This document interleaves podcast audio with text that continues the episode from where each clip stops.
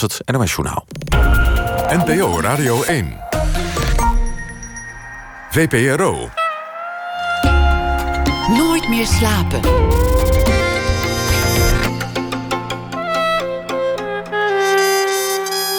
Met Lotje IJzermans. Goedenavond.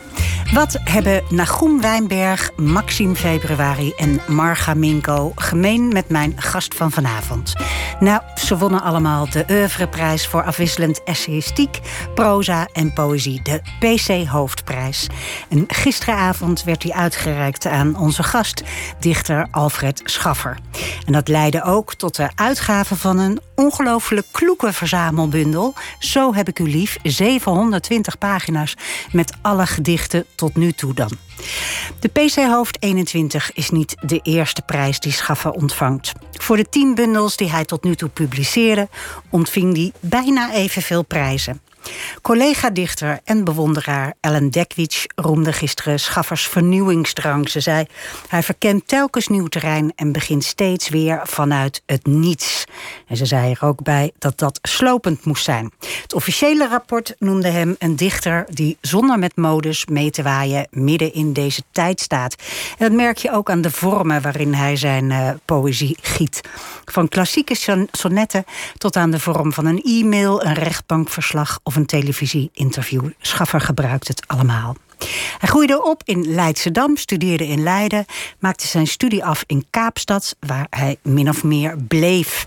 Hij woont nu met vrouw en dochter in Stellenbosch, waar hij doseert aan de universiteit. Daarnaast is hij ook vertaler en criticus van poëzie in de Groene Amsterdammer. Je zit er een beetje. Ja, dat is dan zo'n cv, hè? Hallo, goedenavond. Ja.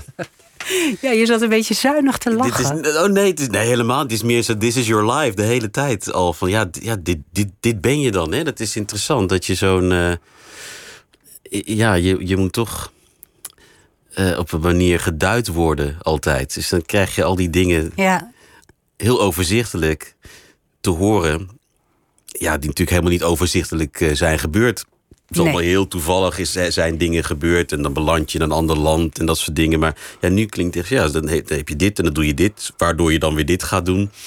Het lijkt van piketpaal naar piketpaal, maar het is een moeras. Ja, absoluut. Nou, nou niet, niet moeras, maar het is heel erg ongeleid natuurlijk en heel ja. onverwachts. Dus dat, dat, dat is altijd met het opsomming is erg leuk, want het klopt allemaal. Om te horen, ja, het is, ja, this is your life, zoiets, ja. ja. Nou ja, dit is het, het leven van anderen, hè? want alleen het leven van anderen vatten we op deze manier samen. Jij ja. zal zelf waarschijnlijk niet zo, uh, nou zeker niet ervaren of jezelf op deze manier presenteren. Nee, maar goed, als je jezelf presenteert, dan leer je ook op een gegeven moment dat je het overzichtelijk moet houden. Dus je, je gaat ook eigenlijk mee in hoe anderen jou zien.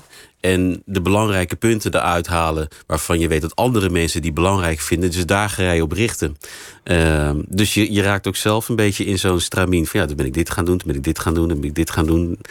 Um, uh, ja, waardoor het heel overzichtelijk lijkt, maar ja, zeker. Mijn leven tot nu toe is niet echt overzichtelijk geweest. Dus het is eigenlijk wel fijn ook. Ja. ja. Um, je, je, zit in uh, Zuid-Afrika waar je woont en werkt. En de telefoon gaat en je krijgt die prijs. Wat betekent dat? Um, ja, natuurlijk een hele grote eer. Maar dat, dat besef dat komt echt maanden later. Ja, want wanneer kreeg je dat telefoontje? Ja, wat was het? 12 december, denk ik. Het was okay. voor het weekend. Ik denk hier 15 december werd het bekendgemaakt. Dat was volgens mij een dinsdag. Uh, maar ik wist het al voor het weekend. En uh, nou ja, we zaten. Het, het, gaat nu wel weer, maar Zuid-Afrika, daar gaat het toch belangen na niet zo goed als hier in Nederland wat betreft corona.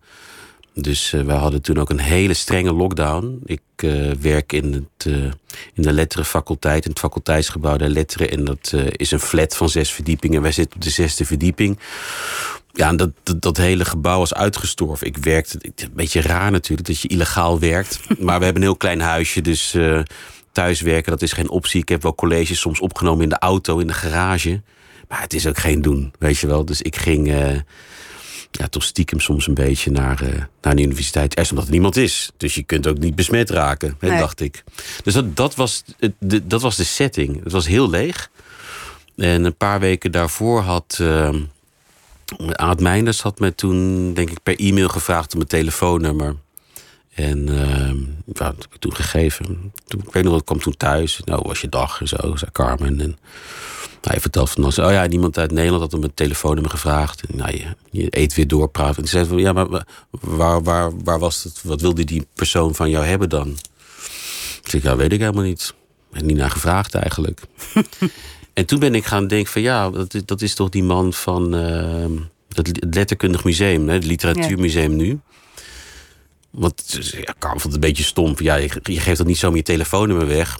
Ehm, ik, ja, misschien moet ik eventjes opzoeken wat dat dan was. En toen zei ik, oh, dat is Literatuurmuseum. En toen klikte er iets. Hé, hey, dat, is, dat is natuurlijk voor die... eh, volgens mij is het nu tijd voor die PC Hoofdprijs voor Poëzie. En toen dacht ik, hé, hey, dat is misschien... Dat heb ik met Carmen nog over gehad. Het is, vaak natuurlijk in de jury. En dat lijkt me misschien toch wel leuk om een keer te doen. Om in ik de jury zo, te ja, ja, zitten, ja. ja. Want ik hou niet zo van dat, dat jurygedoe. Of hele, ja, eigenlijk helemaal niet.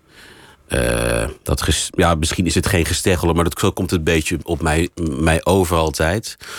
Eh, en met commerciële prijzen, dan zit er ook wel een bepaald belang bij. En dit is een oeuvreprijs, dus ik had het idee, nou ja, dan, ehm, ja, dan ga je met een aantal mensen zitten. En je hebt het echt over oeuvres, dus niet over een bepaalde bundel in een bepaald jaar. Maar ja, wa- wat, wat is er zo aan, in- aan poëzie gepubliceerd in de laatste twintig jaar? Wat zijn interessante oeuvres? Een beetje Ja, En je bent een best kenner, want je schrijft over poëzie. Ja, en het is, je leest dan misschien ook weer nieuwe dingen, omdat juryleden met andere oeuvres aankomen. Van, oh, daar heb ik nog niet aan gedacht. Dus ik dacht, nou, dat is misschien, ik heb het wel druk. Maar misschien wil ik het toch wel doen. En toen werd ik dus, eh, ik denk 12 of zo, 11 december, ik weet niet precies, gebeld. Door, eh, dat was dan eh, de, de voorzitter van de bestuurs... Ik weet niet of de, maar eh, de Gilles Dorenlijn, nou van professor Gilles Dorenlijn, die belde mij op. Het was rond een uur of drie. En eh, een hele lange inleiding ook. Terwijl ik dacht, ja, ik wil het best doen. Die, dat, de jury lijkt me wel je leuk. te wachten tot ze Ja, en het duurde maar, en het duurde Ja. maar, weet ik nog wel. En, eh, en, en toen kwam, toen kreeg dat zo'n rare wending ook, weet ik nog wel. Dat die zei van, nou, de jury... Ja, je denkt nog een split, ja, maar de jury, maar ik zit er dan nog niet in. Hè? Dus, dus ja, hij heeft dan besloten om... Ja, dat zijn toch vreemde woorden om te horen, hoor. Hij heeft besloten om jou voor te dragen voor die PC Hoofdprijs. Ja, ik was ook wel stil, maar ik, heb, ik, ik denk dat ik bijna gelijk. Dat zijn van die dingen, terwijl je het zegt, besef je ook dat je het zegt. Daarom onthoud ik het goed. Ik heb echt wel heel erg lang gezegd: hè? Hè? Hè? Alleen maar dat. Achter elkaar. Op een gegeven moment, ik hoorde ook gegiegel op de achtergrond. Ik denk dat het een soort Zoom-vergadering was of zo. Waar dan die andere juryleden bij betrokken waren. Of zaten. En je hoorde ook gegniffel van... Ja, die, die komt echt niet uit zijn woorden, die jongen. Hè? Hè? Nee, dat meen je niet. Dat kan toch niet?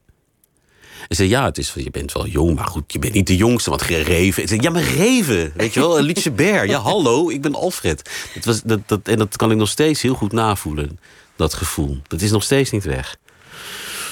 Ja, Maar ja, dan je gaat die hebt telefoon op en dan bel je naar huis. Ja. Carmen, ik heb de PSO-prijs. Want ze zijn wel blij, maar ja, weet zij veel wat die prijs is. En dan een minuut later heeft ze natuurlijk alles gegoogeld. Het geldbedrag ook gegoogeld. Wat? Wat? Weet je wel? Want Ja, het is een fijn bedrag, hè? Het is, een, eh, ja, het is best wel een fijn bedrag. Ja. Dus het, is, ja, het, heeft, het, het gooit je leven wel omver. Ja. ja, en je bent nu twee weken over. Je, je wordt van interview naar interview eh, gereden. En het gaat eh, allemaal over ja, alles wat ik hier in handen heb. In die, in die nou toch wel vuistdikke Ja, bundel eigenlijk. Ontzettend productieve man ben jij. Ehm, even één, één, één rare vraag. Eh, Wat betekent dichten voor jou? Ehm, Ik, ik noem het een rare vraag omdat hij zo groot is. Maar ja, toch. nee, maar het is een hele terechte vraag. Ik, het eerste wat in me opkomt is vrijheid. Ja, echt ultieme vrijheid. Om iets helemaal vanaf de grond af op te bouwen. Al is nog zo klein, een gedicht, maar het kan ook om een hele bundel gaan. Wat er daarvoor nog niet was. En ook met het idee dat je jezelf verrast. Dus niet dat je van tevoren al weet, nou dit en dit wil ik zeggen of zoiets. Maar dus hopelijk met het idee dat je achteraf denkt van... oh, ik had, had niet verwacht dat, dat dit erin zat. Dat is echt ehm, wat dat, dat, dat schrijven... eh, en ook zo'n creativiteit in het algemeen voor mij betekent. Echt ultieme vrijheid. Waardoor je achteraf misschien bedenkt... ja, had ik dit willen doen, had ik dit moeten doen... maar daar moet je niet mee bezig zijn terwijl je aan het maken bent. Dan moet je je Gewoon helemaal laten gaan. Uh, associaties, beelden, uh, opvattingen. Laat maar komen, stop het erin. En uh, ja, dat kan natuurlijk op weinig andere plekken in het dagelijks leven.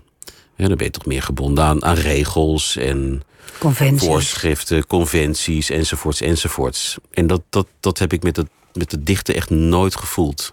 Is het, een, is het een behoefte? Ja, in die zin is het wel een behoefte. Je moet altijd oppassen dat het niet te groot wordt. Uh, zulke omschrijving van een noodzaak of zoiets. Maar het is toch iets waar ik niet zo snel zonder zou kunnen. Uh, al komt het wel voor, niet in het begin. Want in het begin kwam er ongeveer elk jaar een nieuwe dichtbundel. Maar komt het tegenwoordig wel voor dat er een aantal jaren overheen gaat. Voordat ik met iets nieuws kom. Uh, en dan is het niet alsof ik dan niet met mezelf. Ik weet niet wat ik met mezelf aan moet. Want ik Nee, heb nee. al zo lang geen. Dus zo erg is het niet. Maar Wordt het niet is een wel, beetje onhandelbaar dan? Ja. Het is, eh, het is nu meer een toevluchtsoord. Merk ik. Want ja, je wordt ouder. Het werk eist ook meer tijd op. Dus het is nu als ik er tijd voor heb, dan voel ik... Oh ja, oh ja, lekker, lekker schrijven. Hè? Ehm, iets anders doen dan het dagelijkse reguliere denken. Maar ja, tegenwoordig is er wel eh, meer. Ja, je moet er meer tijd voor vrijmaken. En dat was er vroeger meer vanzelfsprekend. Ik schreef vroeger ook vaak s'nachts bijvoorbeeld. Ja, dat ga ik nu niet meer doen, want ik heb gewoon een betaalde baan. Ik moet 's ochtends fris zijn voor colleges geven en zo. Dus dat is allemaal wel veranderd. Maar ja, het gevoel van vrijheid is er nog steeds. En het, het, eh, ja, de poëzie of het schrijven als toevluchtsoord. Ja. Wanneer is dat begonnen, die liefde voor de poëzie? Want ik begrijp dat je eerst voetballer of, of eh, zanger in een band wilde worden. Ja, nou niet zanger, maar wel ja, toetsenist. Ja, Oh, toetsenist. En eh, ja, voetballer, eh, dat wil ik nog altijd worden. dus dat is mijn nieuwe grote droom. Om in de Champions League nog een doelpunt te scoren voor FC Den Haag of zo, weet ik veel. Over drie jaar. Maar dat zit er niet meer in. Nee, het is, het is eigenlijk ook in afgelopen dagen met gesprekjes en interviews kom je erachter. Het is misschien toch wel belangrijker geweest dan ik dacht. Ehm, dat ik eigenlijk toch wel altijd meer geschreven heb dan ik me nu herinner. Dus eh, in mijn tienerjaren schreef ik toch al wel gedichten. Eh, mijn eerste officiële publicatie was bijvoorbeeld in De Oor. Oh ja? Ja, dat was een gedicht, ja. dat was, eh, een ge- gedicht over Kurt Cobain. Die, wat, die had eh, toen zelfmoord gepleegd. Daar heb ik toen iets over geschreven. En dat, kwam, het- dat, was, het- dat was helemaal natuurlijk fantastisch in de oor te staan. Ehm, maar verder kwam het eigenlijk niet. Je vader dichtte ook, hè? Mijn vader schreef ook gedichten. Ehm, een heel ander soort poëzie. Hij hield heel erg van Jacques Perk. De tachtigers vond hij heel erg mooi. Hele zoete, romantische dingen schreef hij. Eh, maar het literaire, dat heb ik wel een beetje bij hem meegekregen. Maar vooral bij mijn eh, leraar Nederlands op de middelbare school, G. Vaartjes. Die heeft echt het vuur aangestoken. Kon ontzettend enthousiast vertellen over poëzie. Over proza ook trouwens. En ehm, ja, daar begint dan zoiets bij. En ik heb ook aan hem mijn eerste gedichten laten lezen. Maar ik kan, ik kan het niet zo goed meer navoelen of ik dat toen belangrijk vond... of dat ik het er gewoon bij deed. Want als ik denk aan die tijd, dan was ik gewoon vooral buiten aan het spelen, aan het voetballen. Ik eh, nou, was daar wel serieus mee bezig, met muziek ook. Eh, maar ik schreef dus ook. En was dat dan om, ja, omdat ik, dat ik me moest uiten? Of vond ik het mooi om beelden te verzinnen? Of, eh, wat natuurlijk ook wel vaak het geval was, maar was het vooral uit liefdesverdriet? Of hè, was de liefde vooral belangrijk? Dat, dat, dat kan ik me niet meer zo goed navoelen. Maar eigenlijk heb ik best wel veel geschreven. En eh, tijdens mijn studietijd in Leiden heb ik ook wel wat dingetjes gepubliceerd. Ehm, en toch nooit, dat weet ik wel, de droom van ja, ik wil wel ooit schrijver worden of zo. Ik wil gepubliceerd dichter worden. Dat, dat niet. Maar ik stuurde wel dingen op. Dus het is ook een beetje dubbel. Ja. Wilde ik het dan misschien toch wel? Het ligt allemaal zo ver achter me. Maar ja, je stuurt geen dingen op als je er niets mee wilt. Dat was een beetje de tijd, jaren negentig, van, eh, van het begin van internet. En je had dan van die internetsites waar je op kon, pub- kon publiceren. De opkamer, weet ik nog, de gekooide roos. Ja, daar stuurde ik ook wel gedichten naartoe. Ja, dus er was toch enige ambitie Ja, dat is sowieso? gek. Dus ik was eigenlijk heel ambitieus, terwijl ik me daar niet van bewust was. Ik denk dat het zoiets Ja. is geweest. Ja. Laten we even teruggaan naar, naar Leidschendam, waar je bent eh, opgegroeid. Je, je vader, we hadden het net over hem. Hij hield van, van ouderwetse poëzie eigenlijk. Wat was hij voor man? Uh, een, een, een lieve ouderwetse man. Ja, hij was uh, 50 toen mijn zus geboren werd. En 52 toen ik geboren werd. Dus een oudere vader. Nou, mijn moeder was een, een zwarte vrouw. 15 jaar jonger. Dus ook toen mijn moeder overleed, was het wel soms het idee van. Wat doet die witte opa met dat, bruin, die, die bruin, dat bruine kind? is, we leken ook helemaal niet op elkaar. Maar we hadden ook, zeker ook nadat mijn moeder overleed, wel een hele, hele goede band. En uh, ja, hij was ouderwets. Um, ja, iemand die heel erg hield van dingen waar ik niet zoveel mee had. Hij noemde het onder drie K's. Dus hij was erg op het koningshuis gesteld, erg op de krijgsmacht gesteld, krijgsmacht en erg op de kerk. Uh, dus ja, daar. Hij, hij, had de oorlog ook meegemaakt. Ja, de oorlog meegemaakt als uh, jonge man. Daar vertelde hij heel erg veel over. Dus in dat opzicht zou je kunnen zeggen dat je een soort tweede generatie kind bent. Ik heb heel veel over die tijd gehoord. Ben Wat voor verhalen vertelde hij? Ja, dat hoorde ik ook wel eens bij. Uh, nou, mensen als Remco Kampert en zo. Verhalen over dreiging, over angst. Maar ook. Maar goed, hij was natuurlijk gewoon een Nederlander en geen, geen uh, Joodse vluchteling. Of een Joodse Nederlander. Ook verhalen over. Ja, waar toch een soort avontuurzin in naar voren kwam. Het was ook altijd wel spannend. En hij. Ja, hij, ik denk dat hij ook de naïviteit koesterde waarmee hij die oorlog beleefde. Uh, heeft, dat had hij een verhaal dat hij foto's maakte van Sijs Inkwart, die Venlo binnenreed op een gegeven moment. Ja, dan stond ik achter een lantaarnpaal. Iemand had me zo van achter kunnen grijpen, maar dat had ik helemaal niet door. dat, dat gevoel van ik leef, ja. al is het nog zo bedreigend, dat kwam ook altijd wel naar voren. Maar het was natuurlijk een heel traumatische tijd. Ze zijn op een gegeven moment geëvacueerd naar Groningen. Uh, lopend, hè, dat gaat dan zo. Dus het is, het is een hele moeilijke tijd geweest. Maar het is, wel, het is wel iemand die er altijd over kon vertellen. dus waar, zeker in je tienerjaren. En daar is het altijd een soort van een. Was je daarin geïnteresseerd in je ja, Op een gegeven moment dan denk je, ja, die verhalen die kan ik bijna ja. uh, na, uh, uh, praten. Zo goed ken ik ze. Dus vertel eens een keer iets anders. Maar zeker toen ik ook weer wat ouder werd, die tienerjaren achter me had. Nou, toen kreeg ik daar toch wel steeds meer begrip voor. En ik ben dus ook heel erg blij dat ik hem zo heb kunnen vragen. Hij had ontzettend veel foto's uit die tijd, natuurlijk met allemaal mensen die ik dan niet ken, maar waar hij bij vertelde. Ja, waardoor ik nu met weinig vraagtekens zit. Van had ik hem dat nog maar een keer gevraagd? Ja. Had ik hem dat gevraagd? Hij vertelde graag. Hij uh, werkte bij het Legermuseum. In, uh, het was eerst in Leiden en toen in Delft. Deed rondleidingen. Dus hij kon ook goed vertellen. En uh, dat deed je ook te pas en te onpas bij vriendjes en vriendinnetjes en zo. Dat ging altijd over de oorlog of nou ja, over andere dingen. Maar hij, hij was dus wel ouderwets. Van voetbal hield hij niet. Uh, van popmuziek hield hij niet echt. Hij vond literatuur fantastisch, maar het was al vaak wat te schunnig. Dus Jan Wolkers vond hij helemaal niks. Dus het was een hele aparte man, een hele aparte verschijning. En je moeder, wanneer is die vanuit uh, Aruba naar Nederland gekomen? Um, het is een beetje moeilijk na te gaan. Maar ik denk dat ze 18, 19 moet zijn geweest. Dus jong.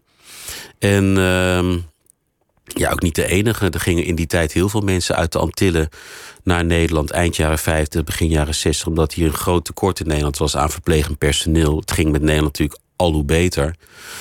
Um, er kwamen natuurlijk later in de jaren 70 kwamen ook heel veel mensen hier werken om, om ja, in de fabrieken te werken. En toen was er echt een groot tekort aan verplegend personeel. En ja, werden er echt stages aangeboden, gelegenheden aangeboden aan Antilliaanse jongeren. Om dan drie, zes maanden, ik denk dat zo'n een jaar, in Nederland te komen werken. En uh, nou, mijn moeder koos daar toen ook voor. En uh, is toen in Venlo terechtgekomen, waar ze mijn vader heeft ontmoet. En later zijn ze in Den Haag gaan wonen. En ze is altijd uh, ja, blijven werken als verpleegster, later hoofdzuster ook. Altijd gehoord dat ze dat ze erg gewaardeerd werd om haar werk. Heel toegewijd. Dus als je dan klein bent, was dat wat interessant. En mijn vader heeft in de, in de landmacht gezeten. Die schoten mensen dood. En mijn moeder die maakte ze weer beter. Dat was een beetje... Dat was, ja, vond ik altijd mooi. Een militair en, en, en, en, een, en een zuster in, in één gezin. Ja, ik vraag zo nadrukkelijk uh, uh, over zo. Omdat je mm. natuurlijk... Uh, best wel veel gedichten over ze geschreven hebt. Over je moeder heb je een hele bundel eigenlijk gemaakt. Um, je moeder is jong gestorven. Hoe oud was jij? Ja, ik was 18 of zo, denk ik. Net 18, zoiets. Ja. En voor die tijd was er nog iets eh, gebeurd in jullie gezin? Je zusje is overleden. Ja, ja die is op uh, net, net nog geen drie is, uh, is er verdronken. Dat is echt het grote trauma geweest natuurlijk in ons gezin. En vooral voor mijn ouders, want ik was nog natuurlijk super klein. Jij was één. Ja, maar het is wel altijd een ontbrekende schakel. En ja, het heeft ze echt heel erg getekend, uiteraard. Maar op een hele uiteenlopende manier. Mijn moeder, die, uh, die heeft het wel op de een of andere manier een, kunnen verwerken, denk ik. Mijn vader heeft het echt nooit kunnen verwerken. Die, als je hem daarnaar vroeg, hij wilde er altijd graag over vertellen, maar raakte altijd heel snel helemaal ontroerd. En dan kwam hij niet uit zijn woorden. Dat, maar dat bleef ook echt. Terwijl mijn moeder dat uh, wat beter kon. Jij was één toen dat gebeurde. Het was natuurlijk enorm traumatisch. Het kon aan jou niet uitgelegd worden, want je was nee. één. Nee. nee, maar ja, dat is toch iets dat je, dat je aanvoelt, hè? Ja, je groeit op met een enorm gat naast je. Ja, en je, je voelt ook wel op een gegeven moment als je beseft wat er gebeurd is. Als je echt, want je weet natuurlijk al wel vroeg wat er gebeurd is, maar het blijft abstract als je klein kind bent. Maar als je ouder wordt, dan besef je wel wat een enorm, enorme ramp dat is geweest. En, en um, ja, ga je ook de stiltes die in zo'n gezin heersen, um, ja, interpreteren als ja, soort onmogelijkheden om erover te praten met je kind. Want je wil je kind er niet mee opzadelen met het gewicht van de dood. Um, je wilt toch als ouders ja, het kind dat er nog is een mooi onbezorgd leven geven en niet altijd over de dood bezig blijven. Maar het is natuurlijk ook onmogelijk. Ja. Als je kind uh, bent. Dus die tweespot heb ik wel op een gegeven moment gevoeld. Want het waren hele, hele lieve, warme ouders. Maar als ik kijk hoe, hoe mijn vrouw en ik met onze dochter zijn, fysiek en knuffelen en dat soort dingen. Dat hadden mijn ouders niet zo. En dat, dat, dat. Goed, ik ben geen psycholoog. Maar ik heb dat, dat heeft misschien ook wel daarmee te maken. Dat, ja, hoe verhoud je tot dat kind dat er wel is? Had je ook een gevoel als kind dat je, dat je voor twee er moest zijn? Ja, nou ja, niet het gevoel. Dat is het natuurlijk. Hè. Je, je, dat is allemaal onbewust. En later ga je dat interpreteren van is het misschien dat geweest. Maar ja, toch wel het idee. Ik moet wel extra mijn best doen. Omdat ze iemand verloren hebben. Ik moet extra mijn best doen om ze gelukkig te hebben, om te houden of gelukkig te maken. Um, en zij, dat heeft mijn vader later wel verteld, zij hadden dan weer het gevoel: ja, we hebben één kind verloren. Wij wilden jou niet ook nog eens verliezen. En dan meer op een figuurlijke manier. Hè. Dus we, hebben altijd, ik, kan niet zeggen dat ik verwend ben, maar ik had wel een heel vrij leven al heel vroeg. Dus ze zei, we, we wilden heel erg graag dat jij niet je van ons zou afkeren. En dat we jou ook nog zouden verliezen. Dus wat dat betreft heeft, heeft die opvoeding ook. Ja, kwam echt rechtstreeks voort uit, uh, uit het tragische ongeval met mijn zus. Hoe zij mij. Uh, nou, hoe zij tegenover mij stonden. Je schrijft in, in je boek het gapende gat van dit leven dat ik met alleen mijn eigen aanwezigheid onmogelijk kan vullen. Ja. Zo heb je dat gevoeld? Ja, alhoewel, ja, als je het dan aan de poëzie gaat linken, dan wordt het alweer lastiger. Ja, vind je dat vervelend? Nee, niet vervelend. Maar ik weet dat, dat, dat die regel voor mij, als, als ik, toen ik die opschreef, en vooral die titels, die komt dan uit de laatste bundel Wie was ik, waarin lange titels staan. Dat zijn echt titels die echt als constructies zijn ontstaan. Van een stukje zin. En dit vind ik ook nog een mooi. Die zet ik in elkaar. Dus het is een heel technisch procedé. Dus niet van hoe voelde mijn moeder zich toen? Of hoe voelde ik me toen? Dan laat ik dat eens verwoorden. Nee, daar gaat jouw poëzie volgens mij ook nee. niet over. Dat dus het kan, dat, dat is dus niet onmogelijk. Wat je nu zegt. Maar ik kan onmogelijk zeggen dat, dat ik het zo heb bedoeld. Ja. Dat is dan een interpretatie van mij, omdat ik uh, die kennis heb en Ja. dat, dat zinnetje lees. Wat dus ook wel mooi is van poëzie, dat dat kan. Maar ik Ja. kan niet zeggen van ja, dat, zo heb ik bedoeld. Ja, nee, zo, zo werkt het niet. Zo simpel is het niet. Die afwezigheid was altijd voelbaar. Ja. ja, die was wel altijd voelbaar, ja. ja. Gek genoeg. Want het was een vol leven. Ik, had, eh, ik was enig kind opeens natuurlijk, maar ik had veel vrienden. Altijd. Maar ja, ja, dat portret hangt er ook altijd, weet je wel. Groot aan de muur. Heel mooi eh, fotootje van mijn zus. Op tweejarige leeftijd. Kijkt ook recht in de camera. Dus het is een foto waar, waar je ook staat in de camera. Het lijkt alsof ze je volgt. Dus ja, dat, dat, dat- je kon er niet omheen. Je kon er niet omheen. Nee.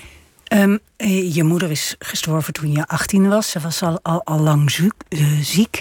Je hebt een, een bundel over haar geschreven. En je bent gaan kijken, wat herinner ik me eigenlijk? Ja, ja omdat dat wel een groot...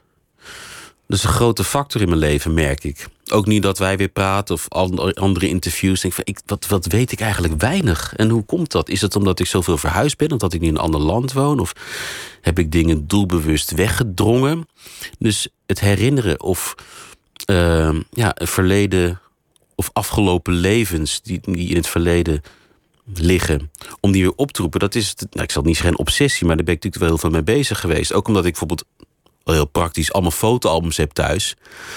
Met fotootjes erbij waar niemand meer uitleg bij kan geven. Nog mijn vader of mijn moeder. Wie zijn die mensen die daar staan? Ik kan niemand vragen. Dus het hele wat, weet ik nog? Hoe was het? Ehm, en eh, ja, hoe, hoe leeft een mens zijn leven eh, zonder dat hij, dat hij erop terugkijkt? Je bent, kijkt eigenlijk altijd naar voren.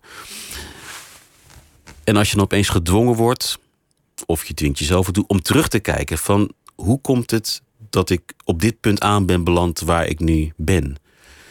Wat zijn de factoren geweest die gemaakt hebben eh, dat ik degene ben die ik ben? Dat ik eh, bijvoorbeeld in Zuid-Afrika leef? Is dat te relateren aan iets? Of is, al dat soort dingen hebben te maken met herinneringen, met, met het verleden, met, met graven. En wat ik dus niet zozeer in mijn leven heb, maar wat ik wel ervaar als het gebeurt, is dat je dus ook vaak dingen weer herinnert door met andere mensen te praten. Ja. Dat was bijvoorbeeld heel erg mooi met die Peese hoofdprijs toen. eh, via de uitgeverij eh, belde bijvoorbeeld iemand op die mijn moeder heel goed gekend heeft. Wat fijn. En die zei toen dingen. Ja. ik, Oh, dat wist ik helemaal niet. En zo, zo vul je de gaten op. Maar als je die verhalen niet hebt, dan blijft het natuurlijk al, blijft het allemaal van die zwarte gaten. Dus dat herinneren is wel echt eh, in die laatste bundel is wel een, een belangrijk thema. Wat, wat weet ik precies? En wat fabuleer ik? Precies. Of wat zijn de herinneringen van anderen die ik incorporeer, maar die eigenlijk helemaal mijn herinneringen niet kunnen zijn? Want ik was bijvoorbeeld acht, ik noem maar iets. Daar is een beetje die bundel op ge. Ja, dit is, eh, is niet een, een bundel over je moeder, maar het is ook een onderzoek naar wat is herinnering Ja. en wat is fantasie of projectie.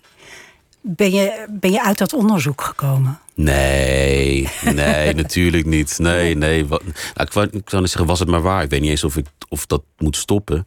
Want het is een heel interessante zoektocht. Nee, en het, het, het, is ook, het is ook een verkenning, maar het is in meerdere bundels wel, denk ik, bij mij. Een verkenning van allerlei stemmen en ruis en, en, en taal. En wat doe je daarmee als individu? Dus ehm, ja, hoe, hoe geef je het leven vorm? Eh, bij wijze van spreken, je kijkt naar het nieuws en daarna is er een reclame over zeep. En daartussen opeens, zie ik nu in Nederland, is er ja, voor mij best wel heftig eh, ja, soort eh, ideële reclame over eh, corona in Afrika, wordt dan ook gezegd. Ik weet niet eens precies waar dat is. Afrika is dan een groot land. Vrij groot En daarna gaat het weer door over, nou ja, vanavond de nieuwe serie van Johnny de Mol. Het is allemaal zo product. En het is allemaal stemmen, allemaal ruis. En hoe, wat doet dat met je als mens? Eh, met je specifieke achtergrond en taal en socio-economische omstandigheden. Dus dat, dat is ook iets dat erbij komt. Dus herinnering, ehm, identiteit, Context. context en dat, al, ja, en dat allemaal in poëzie. Maar dat, terwijl ik dat zeg, ja, dat is dus niet iets waar je bewust... Nou, nou, laat ik dat allemaal een keertje lekker in een gedicht gaan zetten. Maar je, je merkt dat dan de slipstream van het schrijven... komt dat dan naar voren. En dan, dat in die is dus, vrijheid. Ja, en daarvan merk je dus achteraf inderdaad... nou, dit wilde ik dus doen. Ja. Een boek schrijven over herinneren. Het is niet van tevoren, nou, ik ga nu eens een boek schrijven over herinneringen. Ja, dat, zo werkt dat niet. Maar achteraf is dat wel blijkbaar waar ik mee bezig was. Ja. Ja. Ja, dus een, een boek wat, wa- wat over je moeder gaat, maar ook weer niet. Het is zeker geen ego-document. Het is zeker Nee. geen ode aan je moeder of een beschrijving van wie zij was. Het is een onderzoek, eh, eh, zoals veel van je werk. Ehm, je, je hebt twee gedichten, wou je voorlezen, toch? Ja, ik, dat sluit een klein beetje op elkaar aan. Misschien qua thematiek. Maar ik dacht, in elk geval is het leuk... omdat het, een, het eerste gedicht komt uit mijn debuut. Dus 20 jaar, nou, meer dan 20 jaar Ja. oud natuurlijk. Want het is eh, geschreven voordat het werd gepubliceerd. Anders kan het er niet in hebben gestaan. En een gedicht eh, van vorig jaar. Dus er zit dan 20 jaar tussen. Ik dacht, het is wel leuk. Een oud gedicht. En een nieuw gedicht. Ja, dat oude gedicht komt uit... ehm, zijn opkomst in de voorstad met een debuut uit 2000. Een kort gedicht en het gaat dan als volgt. Hem zien is geen verdienste. De vader ligt geheel gekleed in bed, omringd door geschenken van allerlei formaat. In slaap moet hij op zijn tenen staan om te voelen hoe de lucht langzaam natter wordt. Minuten tikken weg, het cadeaupapier schittert. Daar zijn huis op de heuvel, daar zijn bed in de kamer, daar zijn verbaasde ogen gericht naar het plafond als hij eenmaal wakker is. Ja, en dus twintig jaar later, uit, dat, uit die bundel waar dus mijn moeder wel een, een, een hoofdfiguur in is. Een gedicht is met een hele lange titel. mijn lichaam dat door de kamer zweeft, omhoog, omhoog, omhoog, tot het tegen het plafond zit geplakt, er langzaam tegenaan wordt geperst. Want wie kan er nu door steen en beton? Ik dank mijn snelle oogbewegingen dat niets mij ontgaat.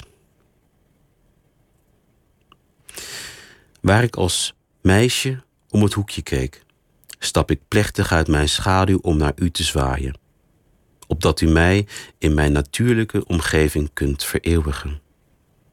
Laat ik vriendelijk blijven. Het jachtseizoen is geopend. Het gat in mijn ziel is met kralen en watten gevuld. En wanneer ik gewoontegetrouw tegen het licht inkijk, is mijn hoofd een kleine, felle vlek. Niet heus ben ik dood, maar ik wil dat mijn leven begint. Want nog ben ik van niemand.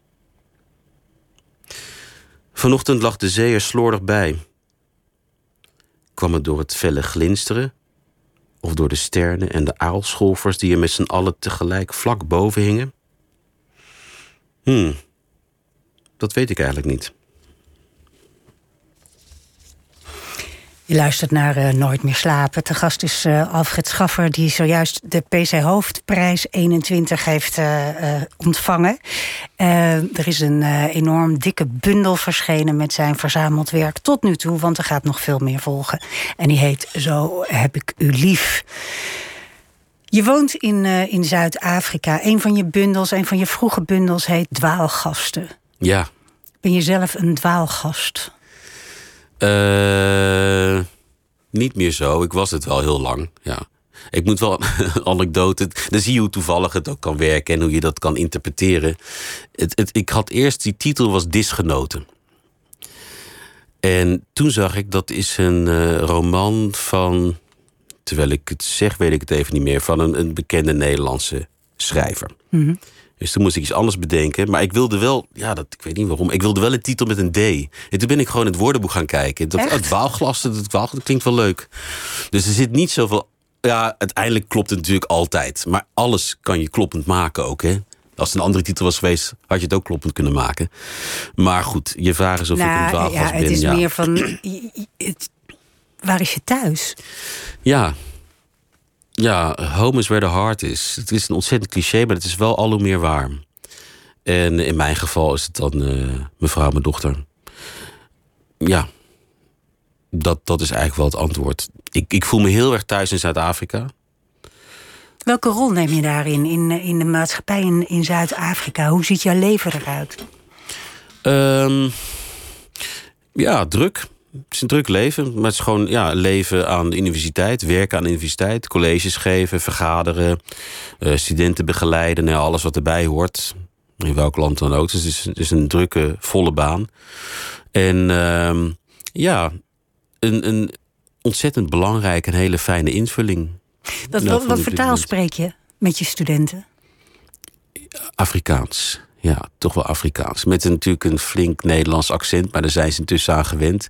Dat beheers je goed? Ja, ja, ja beheers ik wel goed. Alleen het accent is, is uh, dat vinden ze dan wel prachtig soms. Maar ik, ik stoor me daar zelf wel aan. Maar ik beheers het verder taalkundig heel goed. Ik kan het ook uh, prima schrijven. Dus dat spreek ik met de studenten. In de, zeg maar, de vierdejaars masterstudenten, dat soort, die al wat verder zijn. Ja, dan kan ik ook wel gewoon, als ik niet te snel spreek, eh, Nederlands mee praten. Maar ja, voor de, voor de tweedejaars, derdejaars, dat gaat me veel te snel. Ik snap het niet, dus dan doe ik het in Afrikaans.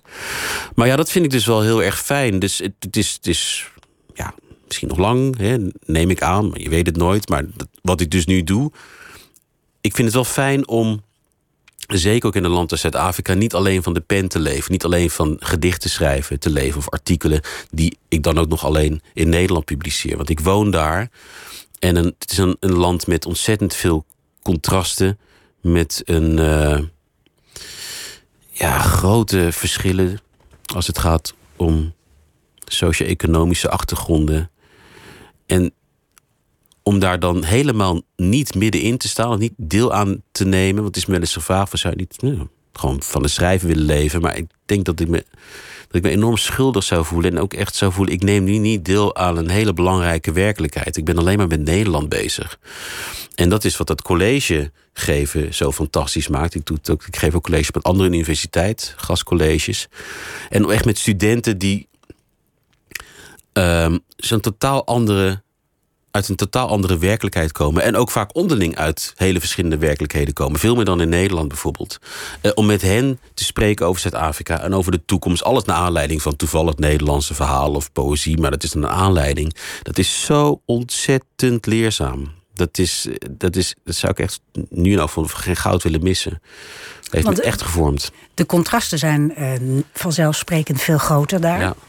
Uh, wat leer jij van, van je studenten dan? Um, misschien om hoofd van bijzaken te mm. onderscheiden. Wat, wat juist weer opvalt. Nou goed, elk land heeft natuurlijk zijn andere context, dat snap ik wel. Maar als ik hier ben, dan voel ik vaak wel. Ja, het, gaat hier, het is hier zo luxe. Het gaat hier zo goed dat mensen ook soms uit het oog verliezen dat je, dat je echt op de wereld bent. Het is toch wel mijn overtuiging. Niet alleen voor jezelf. En dat, dat speelt daar, denk ik, veel meer. En trouwens in landen zoals Zuid-Afrika. Ik denk dat je ook naar Mexico kan gaan. Of naar India. Of naar, noem maar op. Maar waar, waar gewoon veel meer desperaatheid zit in de samenleving. En dat is hier gewoon helemaal weg. Dus hier word je kwaad als je, ja, als je voor de zoveelste keer je mondkapje in een supermarkt bijvoorbeeld nu moet om, om opzetten. Denk ik, daar zouden ze daar nooit over protesteren. Er zijn zoveel belangrijke zaken. En daar is ook toch wel, denk ik, een grote besef dat je niet, zoals Remco Kambert eh, schreef in een gedicht, hè, dat je niet alleen leeft. En niet alleen voor jezelf leeft ook. En uh, nou, dat is wel iets dat die studenten. Ik denk niet dat ze dat altijd even goed beseffen, maar waar zij dus veel meer op een natuurlijke wijze. Uh, ja, weet van hebben. Zijn, ja. ja. En, hoe, en, en hoe beweeg jij je langs die armoede en langs die ongelijkheid die daar is? Is dat moeilijk? Dat is moeilijk, ja dat, dat, kan, dat, zou ook heel, dat zou ook heel erg slecht zijn als dat niet moeilijk zou zijn. als je langs townships rijdt en daar helemaal niets bij denkt. Of als je straatkinderen aan je autodeur hebt staan, elke dag. Het is niet af en toe, elk, als je naar buiten gaat, als je boodschap doet, dan, dan zie je die. En het zou niets met je doen. Het zou ontzettend vreemd zijn hè, als je erover nadenkt. Of, uh, dat is, het is niet heel veel gebeurd, maar je hebt altijd wel dergelijke verschrikkelijke verhalen. Hè. Bijvoorbeeld een kind die dan ergens in het land in zo'n uh, ja, zo'n toilet gevallen is. Dus een verschrikkelijk gat in de grond voor zo'n township. Dat, soort dingen. Als dat niets met je doet. Ja, dan denk nou, er zijn natuurlijk ook uh, mensen die zich daarvoor afsluiten. Ja, maar dat is dan misschien ook een soort van uh, een, een, een, een laatste reddingsboei om, om, om jezelf. Zeg het sane. Zeg maar, gezond te houden, gezond te houden geestelijk. Ja. Omdat, je, omdat je er anders aan onderdoor gaat. Wat, wat, wat moet je ook? Hè? Het is zo erg lastig. Nou, lastig. Het is onmogelijk om daar in je eentje iets aan te doen. Ja, dus het gaat uiteindelijk toch van overheden uit en van politieke besluiten. Van wat doen we met townships? Hoe gaan we huizen herbouwen? Hoe gaan we het land herinrichten? Hoe geven we land terug dat is ingepikt? Ja, daar kun je als, als eenzame burger niet zoveel aan doen. Um, dus ja, er zijn wel veel mensen natuurlijk die iets aan vrijwilligerswerk doen. Maar je vraagt je altijd af, in hoeverre helpt dat? Dus dat is altijd een hele. Ja, dat is echt een discrepantie. Je, je wilt iets doen, maar je voelt ook tegelijkertijd een soort van onmogelijkheid. En ja, dat, dat kan omslaan in apathie. Maar ja, zodra je. Het geldt natuurlijk altijd uh, voor dat soort dingen in het leven. Zodra je mensen ontmoet die uit andere werkelijkheden komen, dan kan je er niet meer voor afsluiten. En dan begin je het ook beter te begrijpen. Dus. Uh, Ja, het is, het, is, het is een land van ontzettende contrasten die allemaal per dag plaatsvinden. En dus niet alleen op het nieuws, maar om je heen, in het dagelijks leven dag, enzovoorts. Ja, en eh, dat, ja, dat kan niet anders dan dat dat je vormt. Dat kan niet anders. En, en vormt het je poëzie? Want ik begreep dat je, dat je toch ook een moment hebt gehad daar.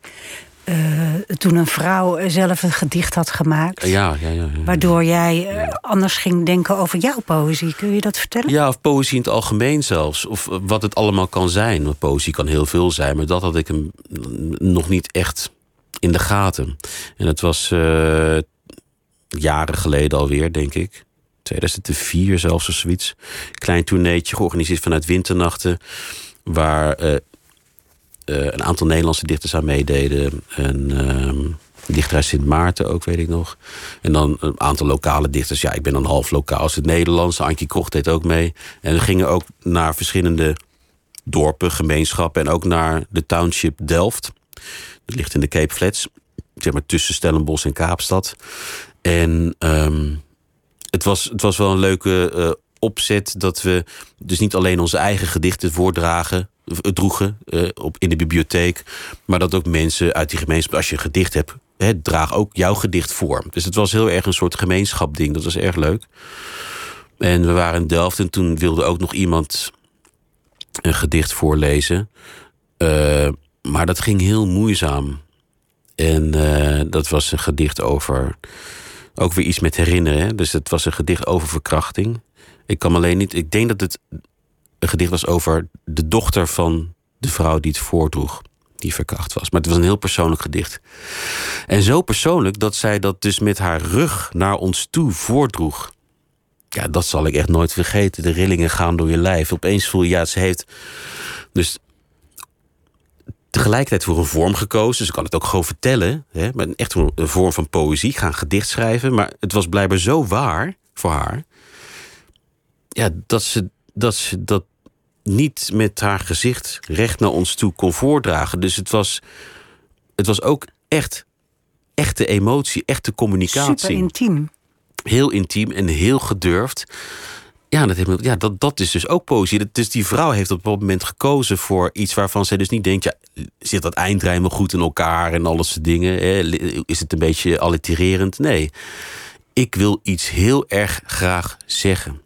Dat, dat zat erachter. En daar moet ik een vorm voor vinden en laat ik het met een gedicht proberen. Zoiets. En eh, ja, dat, de poëzie als, als vorm van communicatie, niet alleen als een puur stilistische, technische uiting, dat, dat is toen wel een beetje erbij gekomen. Ongemerkt ook weer. Dus niet, oh, dit is ook poëzie. Maar achteraf merk ik van ja, dat is dus blijkbaar een hele belangrijke ervaring geweest als het gaat over hoe ik naar poëzie kijk. Dat is ook wat je met je studenten, waar je met je studenten op afkoerst. Verbinding. Ja, toch wel. En dat, dat, is juist belangrijk, omdat natuurlijk Nederland en het Nederlands met zijn eh, verschrikkelijke koloniale geschiedenis heeft niet altijd eh, is, is niet vanzelfsprekend een interessant studieobject voor studenten daar. En de- dat, dat helpt, dat merkte ik al toen ik daar voor de eerste keer college kwam. En dan helpt het ook dat je bent wie je bent. Dus eh, ik weet dat, dat ze nog eh, een aantal studenten zeiden dat al het vierde jaar. Eh, van ja, wie wil wel zeggen, hè, toen, ik weet nog, toen hij voor de eerste keer in, in de collegezaal kwam, zitten honderd studenten en zo. Maar we hadden gehoord, ja, de, de nieuwe docent Nederlands hè, krijgen we nu. En eh, nou, hij moet zo komen, de technicus is al bezig. En toen was u die technicus.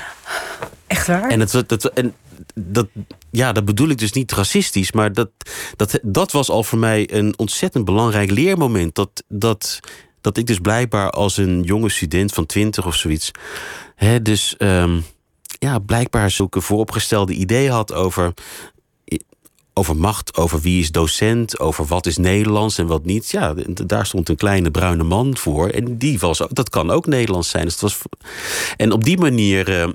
Want dat is natuurlijk helemaal het begin al, ben ik die jaren college gaan geven. Dus dat je, ja, verbinden is misschien een beetje een, een, een groot woord, maar dat je, dat je door middel van literatuur echt over hele wezenlijke zaken kunt hebben. Terwijl je ook heel erg sterk met die literatuur bezig bent. Want het is niet alleen maar een middel om iets anders te doen.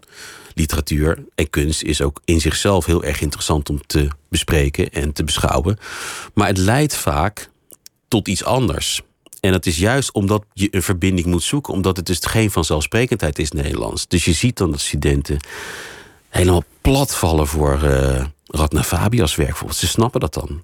Terwijl het iemand is die uit een hele andere werkelijkheid komt. Maar ze snappen precies wat daar gebeurt. Of Rodano Galidi. Dat was ook zijn hit. Maar ook, je hebt een keertje uitgenodigd, ook Moot van Houwaard, hè, Vlaamse dichteres. Dat was, iedereen was helemaal verliefd op haar. En het, het, gaat dan toch ook over binden. En het gaat dus ook over taal. Wat een mooi beeld. En wat bedoel je daarmee? Hoe, werkt, hoe werken metaforen?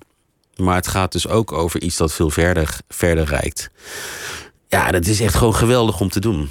Ja, dat kan ik me voorstellen. Ja. Je bent ook uh, je bent altijd wel geëngageerd geweest. In de zin van dat je schreef over racisme, ook wat je moeder heeft meegemaakt. Uh, misschien heb je zelf ook racisme meegemaakt in Leidschendam, ja?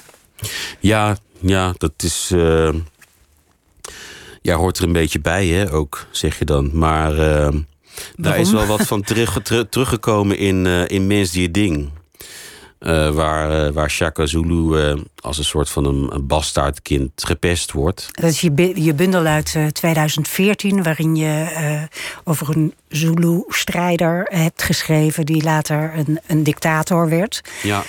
Ja, ik ben een enorme fan van die bundel. Ik ja, vond het zo mooi. Het is ook wel eens zo'n zo'n figuur, daarom vond ik hem ook interessant... die heel veel verschillende invalshoeken heeft, heel veel verschillende waarheden. En binnen de, de, de Zulu-geschiedenis ja, is het ook echt wel iemand die een slachtoffer is geworden... van de westerse kritiek en uh, de westerse koloniale denkwijze. dus je kunt op heel erg veel manieren met, met die figuur spelen. En uh, het is een hele, ja, hele vrije bundel in dat opzicht. Er, komen van, komt van alles in voor. Interviews, inderdaad rechtbankverslagen.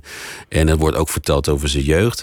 En als hij gepest wordt, in die teksten die ik daar dan schrijf, helemaal het begin van die bundel.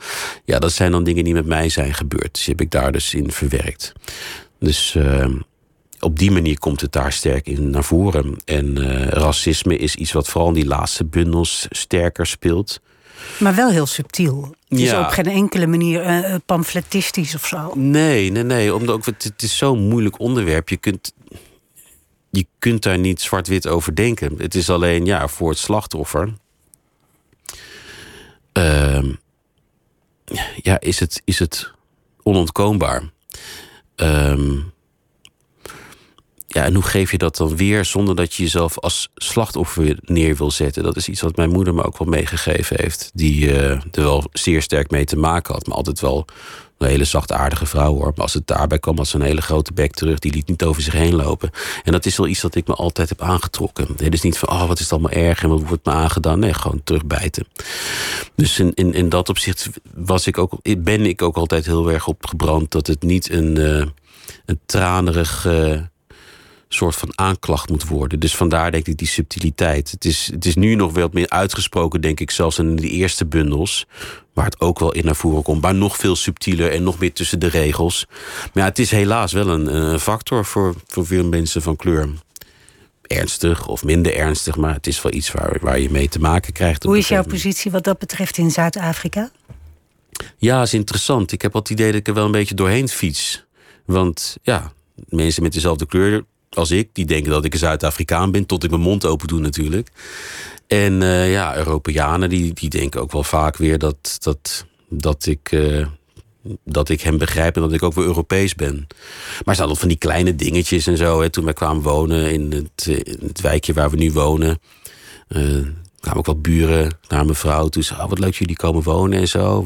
Ik zie dat de schilder al geweest is, weet je wel. Dit wordt gewoon aangenomen. Ze ja, dat is mijn man niet die ingehuurde iemand, weet je wel. Of dat je in de winkel staat en dat altijd aan je gevraagd waar liggen de onderbroeken, weet je wel. Dat, ja, het is, het is heel iets. Het is heel. Het is ook niet echt racisme. Het is gewoon hoe. hoe maar er zijn heel veel mensen die daar heel boos over worden. Heb jij ja, dat niet?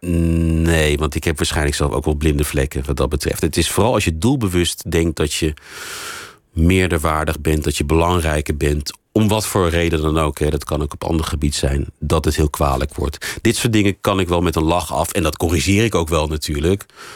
Mm, maar ja, uh, uh, ja, boos, niet echt verbaasd ook wel vaak. Dat we zulke hele beperkte blikken hebben. Ja, die imprints die, die erin zitten ja, bij ons allemaal. Ja, maar ik zeg, daar hebben we allemaal last van. Daar is niemand van, eh, van uitgesloten. Dus daar heb ik ook last van waarschijnlijk. Dus ehm, ja, in dat opzicht word ik er niet boos om. Maar als het doelbewust is, en het gebeurt ook natuurlijk heel dikwijls... ja, dan heb je een hele slechte Ja.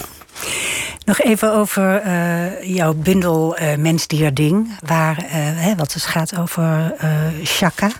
Bij jou heet hij gewoon Shaka. Ja. Ehm, het is een, uh, ik heb dat, die hele verzamelde bundel voor jou gelezen. Dus ik heb alles in volgorde gelezen, alle 700 bladzijden. En dan kom je daar terecht bij die bundel uit 2014. En dan is het zo levendig en zo vitaal, de taal. En zo agressief op een, op een heerlijke manier. Ik was super fan van, van dat boek. Ja. Waarom is het... Het is toch anders dan je andere werk? Ja. Um... Ja, met, met, dat was een bundel uit 2008, Kooi. Uh, ik voelde dat ik me met die bundel ook een klein beetje in een hoek geschreven had. En wel poëzie waar ik natuurlijk achter stond, anders schrijf je het niet. Maar waar ik wel van dacht, ja, dit, dit kan ik niet meer herhalen. Want dan, dan blijft het allemaal hetzelfde. Dus daarna ook dus een tijdje stil geweest. We zijn toen verhuisd naar Zuid-Afrika in 2011. En... Uh, ja, het heeft toen een tijd geduurd, denk ik, voordat ik eh, een vorm te pakken had. En eigenlijk de vorm die ik te pakken kreeg, was de, was de vormloosheid. En ja, wat ik denk in die bundel gebeurt, is dat ik heel veel, ja, voor opgezette ideeën over wat poëzie moet zijn, dat ik die allemaal loslaat. Dus het is niet alsof ik voor mezelf in elk geval niet een heel andere dichter daar ben, maar gewoon dingen die ik misschien voorheen ook geschreven zou hebben, nu gewoon laat staan waarvan ik voor, ja, maar dit is toch geen gedicht, dit is een grap. Of dit is toch geen gedicht, dit is een e-mail. Of dit is toch geen... Dus zet het er maar bij.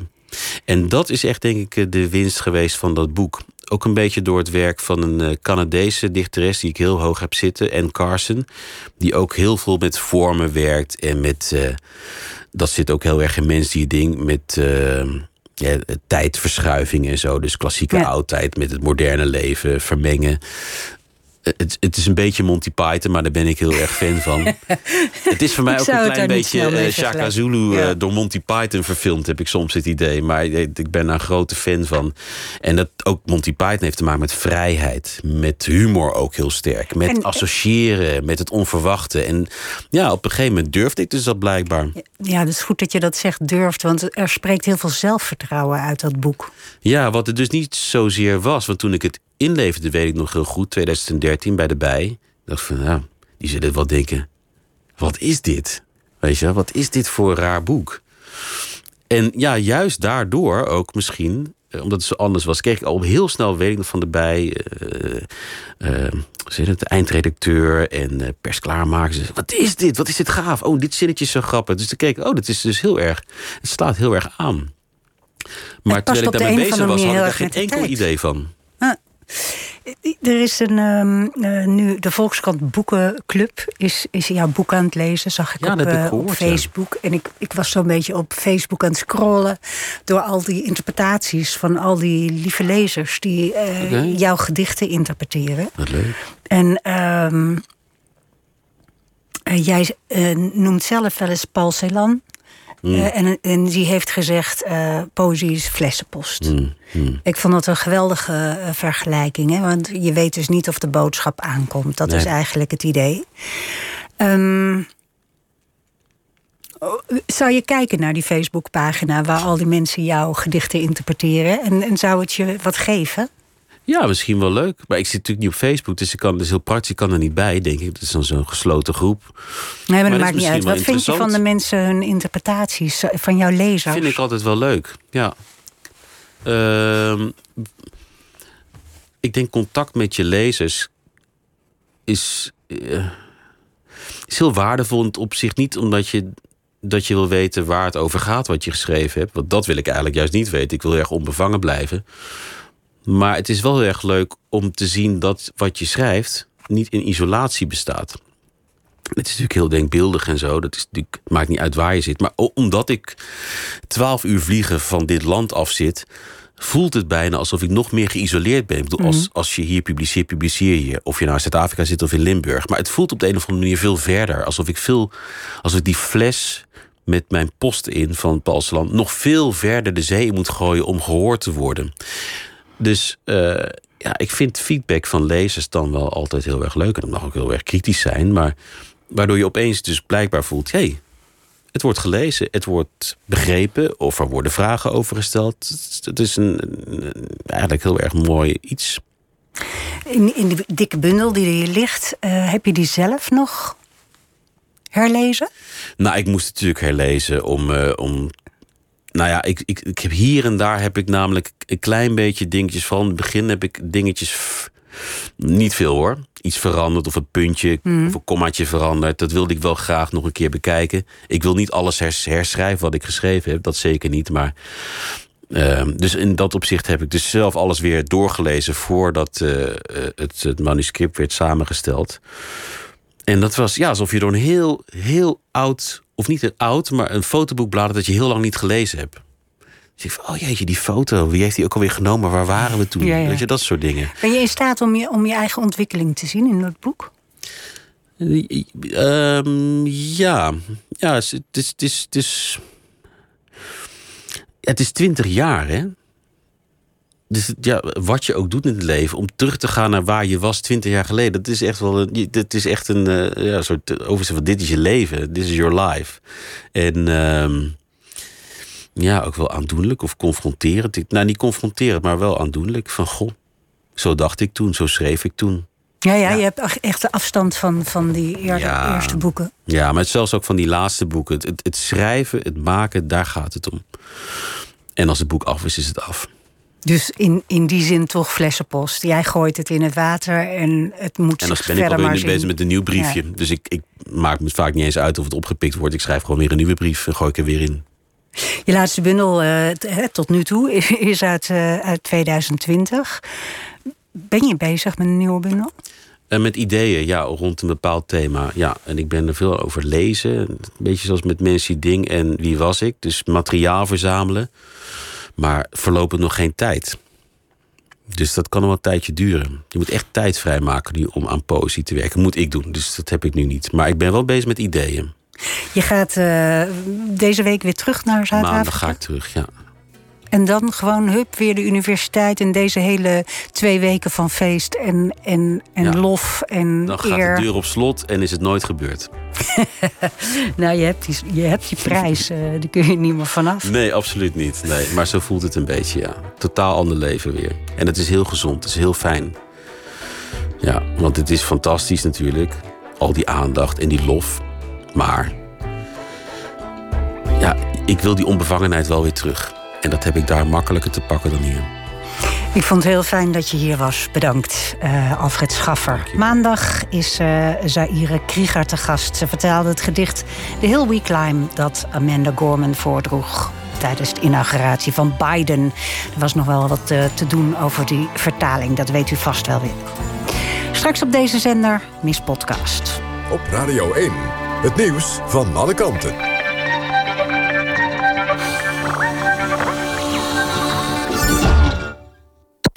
NPO Radio 1.